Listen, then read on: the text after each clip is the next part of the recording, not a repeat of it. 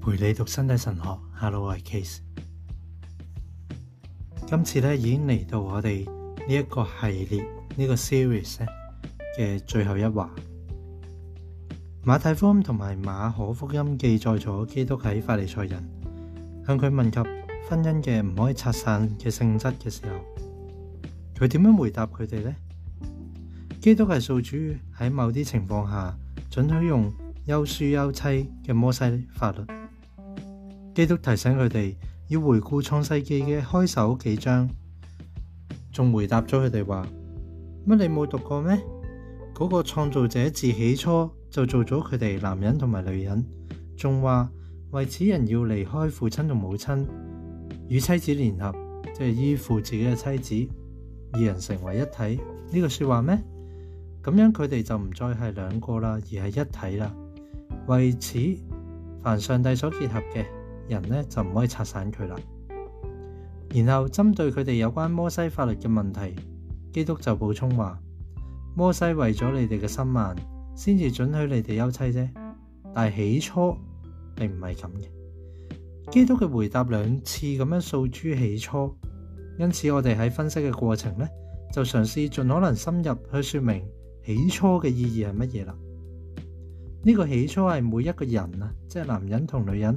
喺世上面继承嘅第一份产业，系人嘅身份嘅第一个见证，符合咗启示嘅话语，而且为按照上帝形象受造嘅位格嚟讲，系确定佢嘅呼召嘅第一份首要嘅资料。基督嘅回答具有历史嘅意义，但系唔仅只系同历史有关嘅答案。各个时代嘅人。都就住同一個主題提出咁樣嘅問題。我哋呢一代嘅人呢，亦都係咁。但係呢一代嘅人提出問題嘅時候，唔係诉诸準许休妻嘅摩西律法啦，而係诉诸其他嘅警况或者其他嘅法律。佢哋嘅問題呢，仲涉及其他嘅困難。嗰個係基督嘅時代對談者呢，冇冇遇過嘅。我哋知道有啲人呢，曾經。向住宗教领袖提出过啲乜嘢类型嘅婚姻同埋家庭嘅问题，而且咧喺开会之后，啲人依然日复日、日复一日咁样喺各种唔同嘅环境下，又继续提出呢啲嘅问题。呢啲嘅问题可以由个别嘅人提出啦，可以系已婚嘅啦，或者系未婚嘅夫妻啦，或者系青年啦，仲有一啲作作家啦。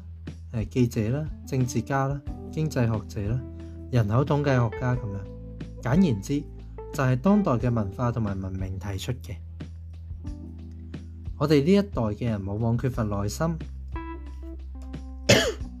喺基督向呢啲人同埋佢哋嘅問題，可能作出眾多嘅回答之中，我認為最基本嘅依然係基督俾法利賽人嘅回答。喺回答呢个问题嘅时候，基督首先就系诉诸起初咯。鉴于人嘅内心状况同埋所处嘅文化环境，呢一切睇嚟都远离起初。佢嘅形式同埋幅度已经有别于圣经入边起初所营造嘅意象，以至于明显日益脱离呢个起初。因此，基督喺今日或者会更加断言咁样喺本质上面诉诸起初。无论如何，基督唔会因为任何呢啲境况觉得惊讶嘅。我认为基督仍然会首先提到起初。为此，基督嘅回答应该得到我哋嘅深入分析。事实上，呢个回答促使我哋回顾有关人类嘅根本同埋基础嘅真理。藉住呢个回答，我哋喺创世嘅奥秘嘅向度。并喺救赎奥秘嘅角度洞悉咗人嘅身份嘅真正结构，即系人嘅身份到底系由咩组成嘅呢？系点样组成？嗰啲组成元素嘅关系系点嘅呢？点解系位格呢？点解系交付呢？咁啊，人嘅身份嘅真正结构，如果冇呢个答冇一个回答，我哋冇办法建立喺神学入边嘅人学啊！即系喺神学入边，乜嘢系人呢？从而按其语境建立身体神学都冇办法，并直接建立完全属于基督徒信仰嘅婚姻同埋家庭观都冇办法。喺一个宗教领袖，佢曾经提过一个叫做全面嘅人观啊，Integral Vision of Man，一个全面人人乜嘢系人嘅睇法。从而指出咗呢一点，佢所提到嘅系从人性同埋基督徒嘅角度去探讨婚姻同埋负责任嘅生育课题。我哋可以话，基督喺回答法利赛人嘅时候，系向住一啲对谈者提出呢个全面嘅人观。如果冇咁嘅人观，冇嗰种自起初上帝点样做人嘅一种观念。就冇办法对于有关婚姻啦、生育呢啲嘅问题咧作出适当嘅回答。呢个全面嘅人观呢，必须基于起初嚟建立嘅。其实呢一点都适用于我哋当代嘅思想，就好似过往用别嘅方式适用于基督嘅对谈者一样。事实上喺我哋呢个时代，由于各种学科嘅发展。人咧好容易会否定呢一种全面嘅人观，并用好多片面嘅观念咧去取代佢。呢啲片面嘅观念只系着重人嘅构成啊嘅若干层面，而冇触及整个人，或者将之摒弃于视域之内，即系唔睇啊唔睇嗰啲部分。因此，各种文化趋势只系基于呢个偏向一方嘅事实。从而就人嘅行为，甚至系点样同人建立关系，提出咗各种方案同埋实用嘅建议。于是人就成为某种科技嘅对象，而唔系对自己嘅行动负责嘅主体。基督俾法利赛人嘅回答，亦都系为使人成为咁样嘅主体，即系对自己行动负责嘅主体。亦即系根据关乎自己嘅整全真理而决定自己嘅行动。为真确嘅人性经验来讲，呢个真理系原始同埋基本嘅。呢个系基督要我哋从起初去探求嘅真理。为此咧，我哋回顾咗创世纪头嗰几章。相比研读其他经文啊，研读呢几章嘅经文。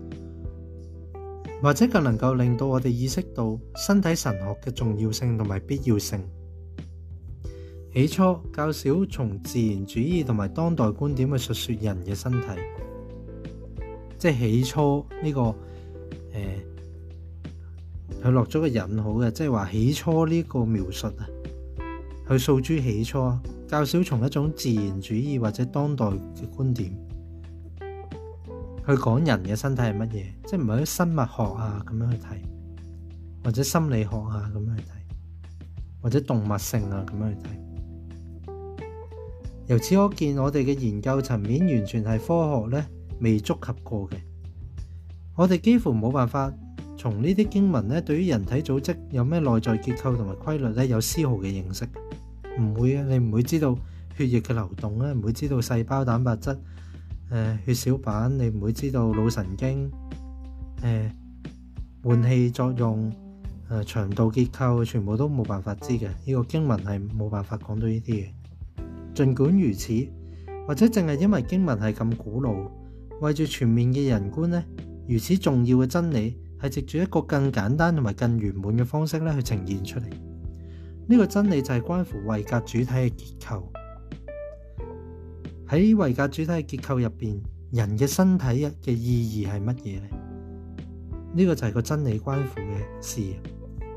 就住呢个古老经文作出嘅探讨，我哋得以进一步将呢个意义延伸到系人嘅整个主体同埋主体相交嘅特性呢个领域。我哋去倾紧，其实系人同人嘅位制共系两个主体。我就系我，不能够被重复，不能够系独一无二嘅。佢哋去相交有啲咩特性呢？英文就幫我哋咧去諗呢一方面嘅話題，尤其係男女之間嗰種恒久嘅關係。誒，當其時有呢種關係，到今日都仲有嘅呢一種關係。喺咁樣嘅探討入边，我哋揾到一個據點，而且為整個從生物生理學嘅角度去研究人類嘅性嘅當代科學嚟講，當代學科嚟講，呢個據點、呢個起點、呢個鬧點咧。即系你企定嘅一个位咧，必须系一个基础，就系研究当代人类嘅性嘅一个基础。咁唔系话我哋应该要放弃晒嗰啲研究嘅性性嘅科学，或者漠视嗰啲研究结果，都唔系。相反，如果呢啲结果有助我哋了解点样去教育具于男性或者女性特质嘅人。並且認識婚姻同埋生育嘅話，咁我哋就應該善用當代嘅科學嘅各種元素啦，去探究喺每一個個體同埋佢哋嘅相關相互關係之中，乜嘢係基本嘅？並喺本質上面係切合嘅，具於維格特性嘅人。乜嘢係基本嘅？並喺本質上面係切合具於維格特性嘅人，咁就要諗下啦。即使喺科學入邊研究啊，佢意思係即使喺科學入邊研究都要以誒主體同主體相交呢個特性，尤其是男女恒久關係呢個作為基礎。然後去諗乜嘢係基本嘅，並且本質上咧可以切合到位格特性嘅咁樣樣，而唔係拼氣咧係對於人一個全面嘅理解，包括係位格嗰種嘅理解，正係為咁啊！探到創世記古老嘅文本係唔可以取代，佢構成咗身體神學嘅真正起點起始。事實上，神學都涵蓋咗身體。任何認識道成肉身嘅奧秘同埋現實嘅人都唔應該覺得耶为依樣嘢覺得咁驚訝同奇怪。神學係以上帝為研究對象嘅科學，由於上帝聖言成為血肉。即系道成肉身啦，即系佢嘅说话成为肉身呢个事实。由于呢个事实，我哋会话身体系通过正门去进入神学嘅领域，道成肉身同埋随之而嚟嘅救赎，亦都成为婚姻一个诶神圣嘅特质嘅决定性泉源。喺适当嘅时候咧，我哋就将会。探讨呢个婚姻系神圣嘅，会作出咧更详尽嘅论述。现代人提出嘅问题都系基督徒嘅问题，包括咗准备去接受、去准备结婚啦、领受呢个婚姻呼召嘅人啦，或者正在诶度婚姻生活嘅人。而婚姻系教会嘅诶神圣嘅事，系教会嘅圣礼。呢个唔单止系各个学科嘅问题，更系人性生命嘅问题。有好多人或者好多基督徒都喺度寻求婚姻入边履行佢哋嘅使命。好多人希望喺入边揾到得救同埋成圣嘅道路。为佢哋嚟讲，基督为热衷于旧约嘅法利赛人作出嘅回答系尤其重要。为嗰啲寻求喺婚姻入边实践人性同埋基督徒嘅呼召嘅人嚟讲。佢哋必須首先令到呢個身體神學成為佢哋生活嘅內容同埋態度，而呢個神學嘅起始就係創世記頭嗰幾章入边啦。事實上喺履行呢個使命嘅旅途入边，絕對有必要更深入咁樣意識到具有男性同埋女性特質嘅身體嘅意義係乜嘢。此外，亦都必須準確認識身體嘅配偶性意義啦、生育嘅意義啦，呢啲因為。夫妻生活嘅全部内容都必须喺共同生活、喺行为、喺情感上揾到圆满同埋切合位格嘅向度，尤其喺呢个思考同埋判断方法深受物质主义同埋功利主义影响嘅文明入边，就更加应该要系咁，即系话而家就系讲求物质或者讲求效率，就更加要喺嗰夫妻生活入边呢，去明白身体诶。作為一種禮物，配偶性嘅意義同埋生育嘅意義係乜嘢？當代生物生理學係能夠就住人類嘅性提供精確嘅資料，儘管如此，如果要認識人嘅身體同埋性所具有嘅位格尊严呢，就要靠其他資料啦。其中特別係上帝嘅道啦，當中再有關乎身體嘅啟示。呢個啟示呢係追溯到起初嘅。基督喺回答呢啲所有问题嘅时候，喺某程度上系命令人翻到去神学上历史中人嘅门槛，翻返去嗰个犯罪之前同犯罪之后中间嗰个门槛，呢个系几咁重要咧？佢命令人将自己置喺原初清白无罪，即系原初嘅幸福啦，同埋继承原罪之后嘅两种状况，两者之间嘅交界线上边，佢想讲嘅，难道唔就系？佢帶領人行走嘅婚姻嘅路，亦即係肉身嘅救赎嘅道路，都必須去重拾呢種尊嚴而人性身體嘅真正意義，亦即係身體嘅位格特性啦，同埋共融啦，位格位制共融嘅意義，係咪亦都喺呢一種尊嚴入边去實現呢？我哋就住呢個課題咧，已經作咗第一部分嘅思想，係非常重要嘅。喺呢一度咧，就會作一個结，作結。我哋呢啲有關婚姻嘅問題，有時可謂係迫切嘅。更正確咁講，呢啲關乎身體嘅意義嘅問題。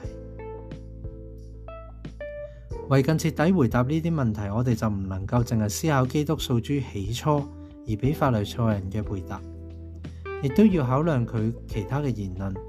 其中有兩段嘅言論係尤其重要，而且意義係好豐富嘅。第一段呢係嚟自丹登山寶训，佢談論到。人生喺肉身嘅贪欲之下，各种可能嘅情况。第二段系耶稣诉诸未来复活嘅言论。跟住咧之后嗰两个系列咧，我哋就会探讨，分别探讨呢两个言论。今次咧就读到呢一度，下次咧我哋就会开我哋第二个 series。